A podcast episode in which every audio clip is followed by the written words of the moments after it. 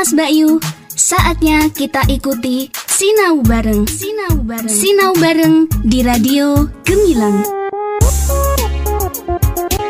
Kamas Bayu sahabat Gemilang, Assalamualaikum warahmatullahi wabarakatuh Salam sejahtera untuk kita semua Om Swastiastu, Namo Buddhaya Salam kebajikan, Rahayu Kamas Bayu kembali lagi berjumpa di 96.8 FM Radio Gemilang, jendela musik dan informasi. Kamas Bayu kita kembali bersama di satu saja acara pembelajaran jarak jauh via radio yang akan ditampilkan Bapak Ibu Guru Kabupaten Magelang yang berkompeten dan juga bersemangat untuk kembali menghadirkan materi-materi yang sangat bermanfaat buat anak didik di Kabupaten Magelang. Kamas Bayu kita berjumpa di saja acara Sinau Bareng.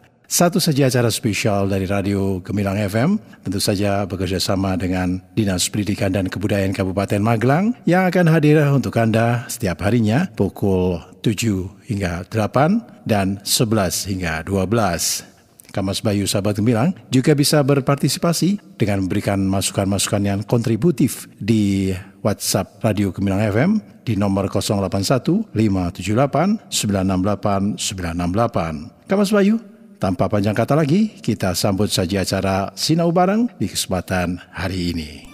Sinau Bareng di Radio Gemilang. Gemilang. Assalamualaikum warahmatullahi wabarakatuh. Inilah siaran radio pendidikan Gemilang FM. Siaran ini ditujukan bagi siswa-siswi kelas 6 khususnya di Kabupaten Magelang yang mengikuti pembelajaran daring atau luring yang akan disajikan KKG kelas 6 Kabupaten Magelang. Program belajar di Radio Gemilang FM ini dapat terlaksana karena adanya kerjasama Dinas Pendidikan dan Kebudayaan Kabupaten Magelang, Diskominfo Kabupaten Magelang dengan Radio Gemilang FM Jendela Musik dan Informatika. Program belajar ini sebagai alternatif pembelajaran jarak jauh yang menyenangkan. Bersama saya, Arif Budi Purwanto, biasa dipanggil Pak Arif, dari SD Negeri Ketawang 1 Kecamatan Grabak, dan ditemani oleh rekan saya, Habib Fauzi yang biasa dipanggil Pak Habib dari SD Negeri Wonosuko, Kecamatan Tegalrejo. Selamat pagi anak-anak, Kang Mas Bakyu, pendengar radio Gemilang FM. Semoga semua dalam pagi ini kita di sini hadir untuk berbagi ilmu dengan para pendengar sekalian tentang kerjasama Indonesia pada masa globalisasi, khususnya bidang iptek dalam lingkup ASEAN serta sumber energi alternatif listrik dalam muatan pelajaran IPS dan IPA. Dengan mengikuti program siaran ini, diharapkan anak-anak dapat satu menyajikan informasi tentang peran Indonesia dalam berbagai bentuk kerjasama di bidang iptek dalam lingkup ASEAN dengan mandiri. Yang kedua, menjelaskan manfaat sumber energi alternatif listrik dengan tepat. Anak-anak, Kang Mas Bayu, pendengar yang masih setia di frekuensi 96.8 Radio Gemilang FM, mari kita dengarkan penjelasan kerjasama Indonesia dengan negara-negara di Asia Tenggara di masa globalisasi, khususnya di bidang iptek serta sumber energi alternatif listrik. Dari penyaji kita yaitu Bapak Habib Fauzi. Silahkan Bapak. Baiklah, terima kasih atas waktu yang diberikan. Sebelum Pak Habib menjelaskan materi tersebut, ya, kita mengingatkan kembali bahwa masa pandemi COVID-19 masih banyak kasus yang terjadi. Ya, untuk memutus penyebaran virus corona, ayo anak-anak, Kang Mas Mbak Yu, pendengar radio Gemilang FM, kita lakukan gerakan 3M. Ya, M yang pertama menggunakan masker, M yang kedua mencuci tangan, dan M yang ketiga adalah menjaga jarak. Selain 3M tersebut, ada 3M lain yang perlu diingat, yaitu mulai dari sendi diri sendiri, mulai dari lingkup terkecil, dan mulai saat ini juga. Dengan hal kecil tersebut, ya kita membantu pemerintah. Semoga dengan hal kecil tersebut pandemi ini cepat berlalu Ya, amin, agar amin. pembelajaran tatap muka dengan anak-anak semuanya bisa berlangsung seperti sedia kala. Seperti itu Pak Arif. Ya, amin. Saya juga sudah rindu ini belajar bersama anak-anak secara tatap muka langsung, Pak Habib. Ya sama Pak, saya juga mengharapkan seperti itu agar pembelajaran bisa berjalan lebih efektif. Ya, maka penyiaran dengan radio ini sebagai alternatif ya pembelajaran jarak jauh ya mungkin agar bisa mengurangi rasa bosan anak-anak maka dilakukan siaran ini. Nah, Pak Habib lanjutkan ya pada pertemuan sebelumnya pada tema 4 subtema 3 yaitu tentang globalisasi dan manfaatnya. Nah, pada subtema ini yang kita bahas adalah globalisasi dan cinta tanah air. Ya. Pak Habib lanjutkan, nah, peran Indonesia dalam berbagai bentuk kerjasama bidang iptek dalam lingkup ASEAN di masa globalisasi. Sebelum ke materi tersebut, terlebih dahulu Pak Habib mengingatkan apa itu globalisasi. Nah, ya, globalisasi yaitu masa di mana arus informasi begitu cepat menyebar ke berbagai belahan dunia. Nah, ini terutama dalam bidang iptek, ya informasi karena adanya gadget dan sebagainya berlangsung begitu cepat, nih, termasuk ya kebudayaan dan gaya hidup di berbagai penjuru dunia itu dengan mudah dapat kita ketahui. Nah, Kondisi tersebut ya, akan memudahkan generasi muda Indonesia untuk meniru beragam kebudayaan asing tersebut. Nah, oleh karena itu, kita harus memiliki filter ya, dengan memantapkan budaya kita, yaitu untuk menangkal ya, adanya globalisasi tersebut, terutama kebudayaan asing yang tidak sesuai dengan budaya kita. Demikian Pak Arief. Oh ya Pak Habib, jadi tadi kalau tidak salah dengar, globalisasi memiliki arti informasi dari berbagai belahan dunia begitu cepat menyebar seolah-olah dunia tanpa ada batasnya. Nah, berarti kan kita harus hati-hati ini ya Pak Habib ya untuk menyikapi hal tersebut. Begitu ya Pak Habib? Ya, tepat sekali Pak Arif. Kita harus hati-hati, tidak hanya apa mengambil globalisasi yang negatifnya, terutama yang kebudayaan asing tersebut Pak Arif. Nah, ini yang menjadi pertanyaan kan lalu bagaimana menyikapi derasnya informasi tersebut, Pak Habib? Ya. Begini Pak Arif, ya ada sebuah slogan yang sangat bagus sekali, ya, yaitu berpikir global, bertindak lokal. Nah, ini saya ulangi, berpikir global, bertindak lokal. Ya, slogan ini bisa diterapkan di sekolah-sekolah mungkin, karena ini juga sangat bagus, yaitu salah satu cara yang bisa dilakukan untuk tidak menjadi korban di era globalisasi. Nah, sebagai bangsa Indonesia, kita harus melestarikan nilai-nilai luhur budaya kita yang kemudian digunakan untuk dapat bersaing di tingkat dunia. Jadi ya tanpa melupakan budaya kita, tapi kita bisa bersaing dengan negara-negara lain seperti itu. Ya, jadi anak-anak saya tegaskan kembali bahwa kita harus berpikir bagaimana bangsa Indonesia ini bisa bersaing dengan negara lain, tetapi tidak melupakan budaya sendiri. Begitu ya Pak Habib ya? Ya, tentunya jangan sampai jati diri bangsa kita ini hilang begitu saja dengan adanya globalisasi yang tadi dijelaskan depan begitu cepat ya informasinya. Apalagi anak-anak calon generasi muda sebagai penerus generasi bangsa yang akan datang. Nah, anak-anak, Kang Mas Mbak Yu, pendengar setia Radio Gemilang FM, ya, selain itu, ya, kita juga harus menumbuhkan rasa cinta tanah air, gitu.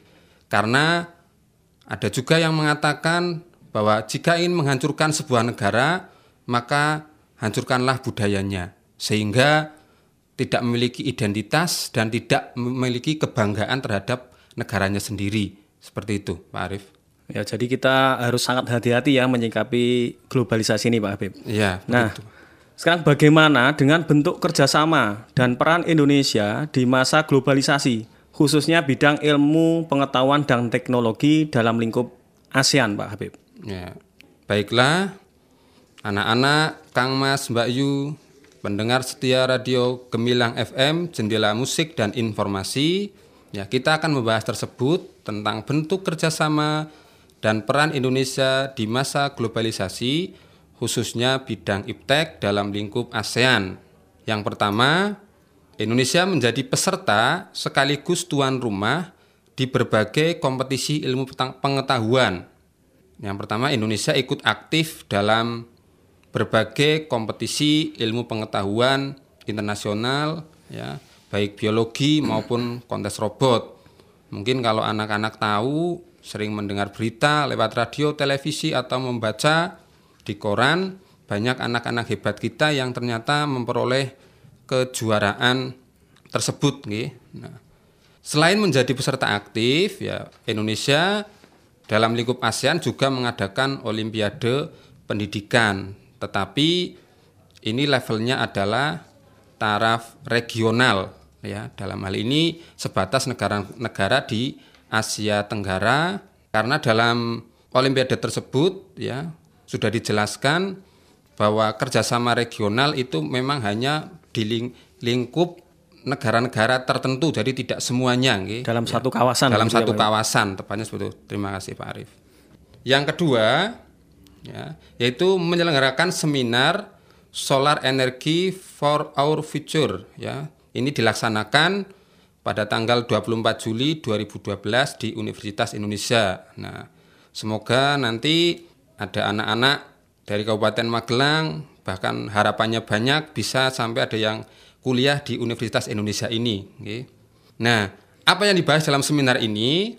Nah, seminar ini membahas tentang potensi, perkembangan, serta penggunaan energi terbarukan tenaga surya, khususnya di Indonesia dan di kawasan Asia Tenggara. Nah, seminar ini dihadiri oleh perwakilan dari negara-negara anggota ASEAN. Ya.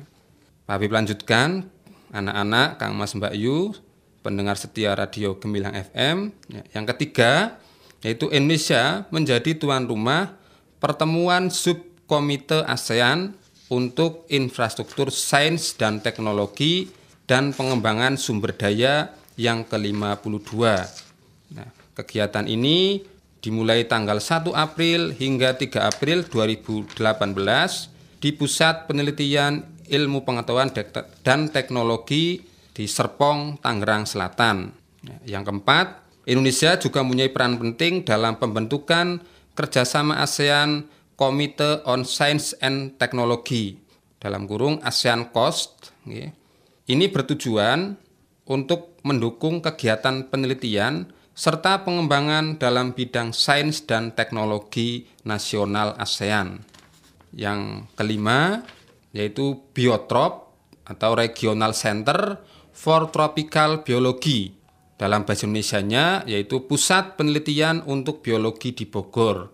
Tugas dari lembaga ini yaitu fokus pada pembangunan berkelanjutan berhubungan dengan biologi tropika di kawasan Asia Tenggara Biotrop ini membantu negara anggota untuk mengembangkan keahlian dalam mencari solusi, meneliti, dan melakukan pendekatan alternatif untuk memecahkan masalah biologis kritis seperti hasil bumi, perairan, dan juga penanganan hutan.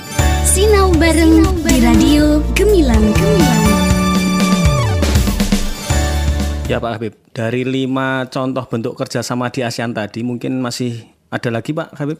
Ya, masih ada Pak Arif yang lima tadi itu yang Indonesia sangat berperan. Ya. Hmm. Ya. Nah kalau yang ini nanti yaitu yang bentuk kerjasama yang lain, tetapi tidak di negara Indonesia. Ya, yang pertama ada Regional Center for Education Science Matematik atau ini pusat penelitian pendidikan ilmu, ilmu pengetahuan di bidang matematika di negara Penang, Malaysia. Yang kedua ada Regional English Language Center atau Pusat Pendidikan Bahasa Inggris ini di negara Singapura. Yang ketiga ada Regional Center of Graduate Study and Research in Agriculture atau Lembaga Penelitian dan Pengkajian Pertanian ini di Los Banos, Filipina. Wah luar biasa sekali ya Pak. Indonesia juga ternyata turut andil dalam kerjasama, khususnya bidang ilmu pengetahuan dan teknologi di ASEAN. Dan ternyata bukan hanya itu, Pak Habib. Di Indonesia ternyata tadi sesuai penjelasan Pak Habib, didirikan juga pusat penelitian untuk biologi di Bogor. Betul ya Pak Habib ya tadi ya? Iya, betul tadi yang ada ada biotrop yaitu pusat penelitian biologi yang ada di Kota Bogor. Tepat Pak Arif. Hmm. Oke, baiklah anak-anak, Kang Mas Mbak Yu jangan pindah gelombang dulu ya. Tetap di sini di 96.8 Gemilang FM, jendela musik dan informasi. Karena kami akan kembali dengan ilmu-ilmu yang lebih menarik. Nah anak-anak, sekarang kita akan lanjut perbincangan kita masih berkaitan dengan ilmu pengetahuan dan teknologi tentang manfaat sumber alternatif energi listrik. Nah, Pak Habib, ya bagaimana pandangan Bapak tentang semakin berkurangnya pasokan listrik saat ini? Terima kasih Pak Arief ya. Pandangan saya mengenai hal tersebut ya. Nah, pada era globalisasi ini ya semakin banyak teknologi canggih yang ditemukan. Nah, teknologi-teknologi tersebut hampir seluruh penemuannya itu menggunakan energi khususnya listrik. Namun, akhir-akhir ini pasokan listrik semakin berkurang akibat semakin menipisnya sumber energi untuk memproduksi listrik seperti minyak bumi, gas, batu bara, dan panas bumi. Demikian Pak Arief. Menurut saya begini Pak, ada juga salah satu penyebab berkurangnya pasokan listrik saat ini, yaitu dengan ditemukannya alat-alat yang sumber energinya listrik. Tetapi sumber e, sumber energi untuk memproduksi listrik itu yang semakin sedikit Pak Habib. Iya, benar sekali Pak Arief. Nah, menurut Pak Habib, nah menurut Pak Habib, apakah ada sumber energi alternatif lain untuk mengatasi hal tersebut? Salah satu cara yang dapat kita lakukan adalah mencari sumber energi alternatif ya, yang bersih, aman, bebas polusi, dan selalu tersedia tanpa batas. Nah, salah satu bentuk energi alternatif tersebut adalah sel surya. Nah, ini menarik sekali Pak Habib, sel surya. Nah, apa itu sel surya dan yang perlu sangat penting dijelaskan bagaimana prinsip kerjanya? Oke, anak-anak, Kang Mas, Mbak Yu, pendengar setia Radio Gemilang FM, jendela musik dan informasi. Ya. Sel surya merupakan lempengan tipis yang terbuat dari silikon yang dapat mengubah langsung cahaya matahari menjadi energi listrik. Lempengan sel surya tersebut diberi muatan positif dan muatan negatif. Saat cahaya mengetahui lempengan tersebut, kemudian akan memicu muatan positif untuk bertemu dengan muatan negatif, sehingga terjadilah arus listrik. Nah ini mungkin uh, bagi para pendengar dan anak-anak bertanya-tanya ini tentang sel surya ini kok sepertinya mudah sekali mengubah cahaya bisa langsung jadi energi listrik. Nah ini ini mungkin perlu penjelasan dari Pak Habib ini. Ya gambaran singkatnya seperti itu Pak Arif dan ya. pendengar radio Gemilang FM Nah, agar panel surya bisa dihasilkan dari rumah itu tidak tidak serta merta matahari dicorotkan ke sel surya terus bisa digunakan itu tidak seperti itu ya. Nah, bagaimana? Ya, nah, ada alat-alat lain yang dibutuhkan agar panel surya itu bisa menghasilkan energi listrik. Nah, jika sahabat Gemilang FM berencana untuk membuat atau merakit sebuah panel surya, ternyata tadi menurut penjelasan Pak Kabib ada alat-alat yang harus digunakan. Nah, apakah alat-alat tersebut bisa dijelaskan ya Pak Habib ya? Monggo. Baik, yang pertama ada panel surya atau sel surya itu sendiri. Nah, ini fungsinya tadi sudah dijelaskan beserta prinsip kerjanya yaitu mengubah cahaya matahari menjadi energi listrik. Nah, ini alat yang lainnya yaitu yang kedua ada solar charge control atau ini kontrol bahasa yang lebih enaknya yaitu ini yang digunakan untuk mengontrol proses pengisian muatan listrik dari panel surya ke dalam baterai atau aki dan juga pengosongan muatan listrik dari baterai pada beban seperti lampu, TV dan sebagainya. Berarti ini untuk intinya itu untuk mengontrol proses pengisian dan pengosongan ya pada baterai atau aki. Yang ketiga, baterai atau aki itu sendiri ya, yaitu ini yang menyimpan muatan listrik. Jadi pada saat sel surya mengkonversi energi cahaya matahari menjadi energi listrik, energi listrik tersebut kemudian disimpan pada baterai yang kemudian bisa digunakan.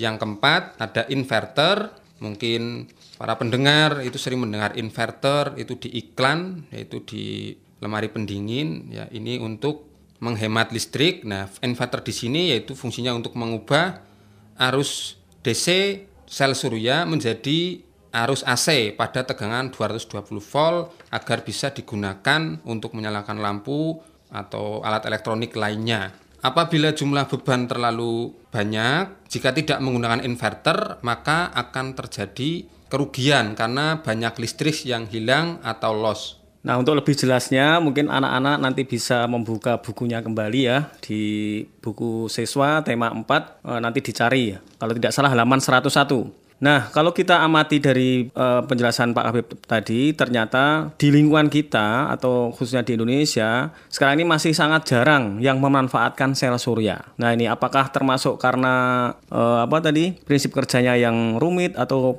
Bagaimana? Bagaimana menurut pandangan Bapak Habib? Ya, anak-anak pendengar radio Gemilang FM, ya, Indonesia dan negara Asia Tenggara merupakan negara yang kaya potensi sumber energi terbarukan, khususnya tenaga surya. Namun potensi tersebut belum termanfaatkan secara optimal. Nah, mengapa tadi penggunaannya masih sangat sedikit?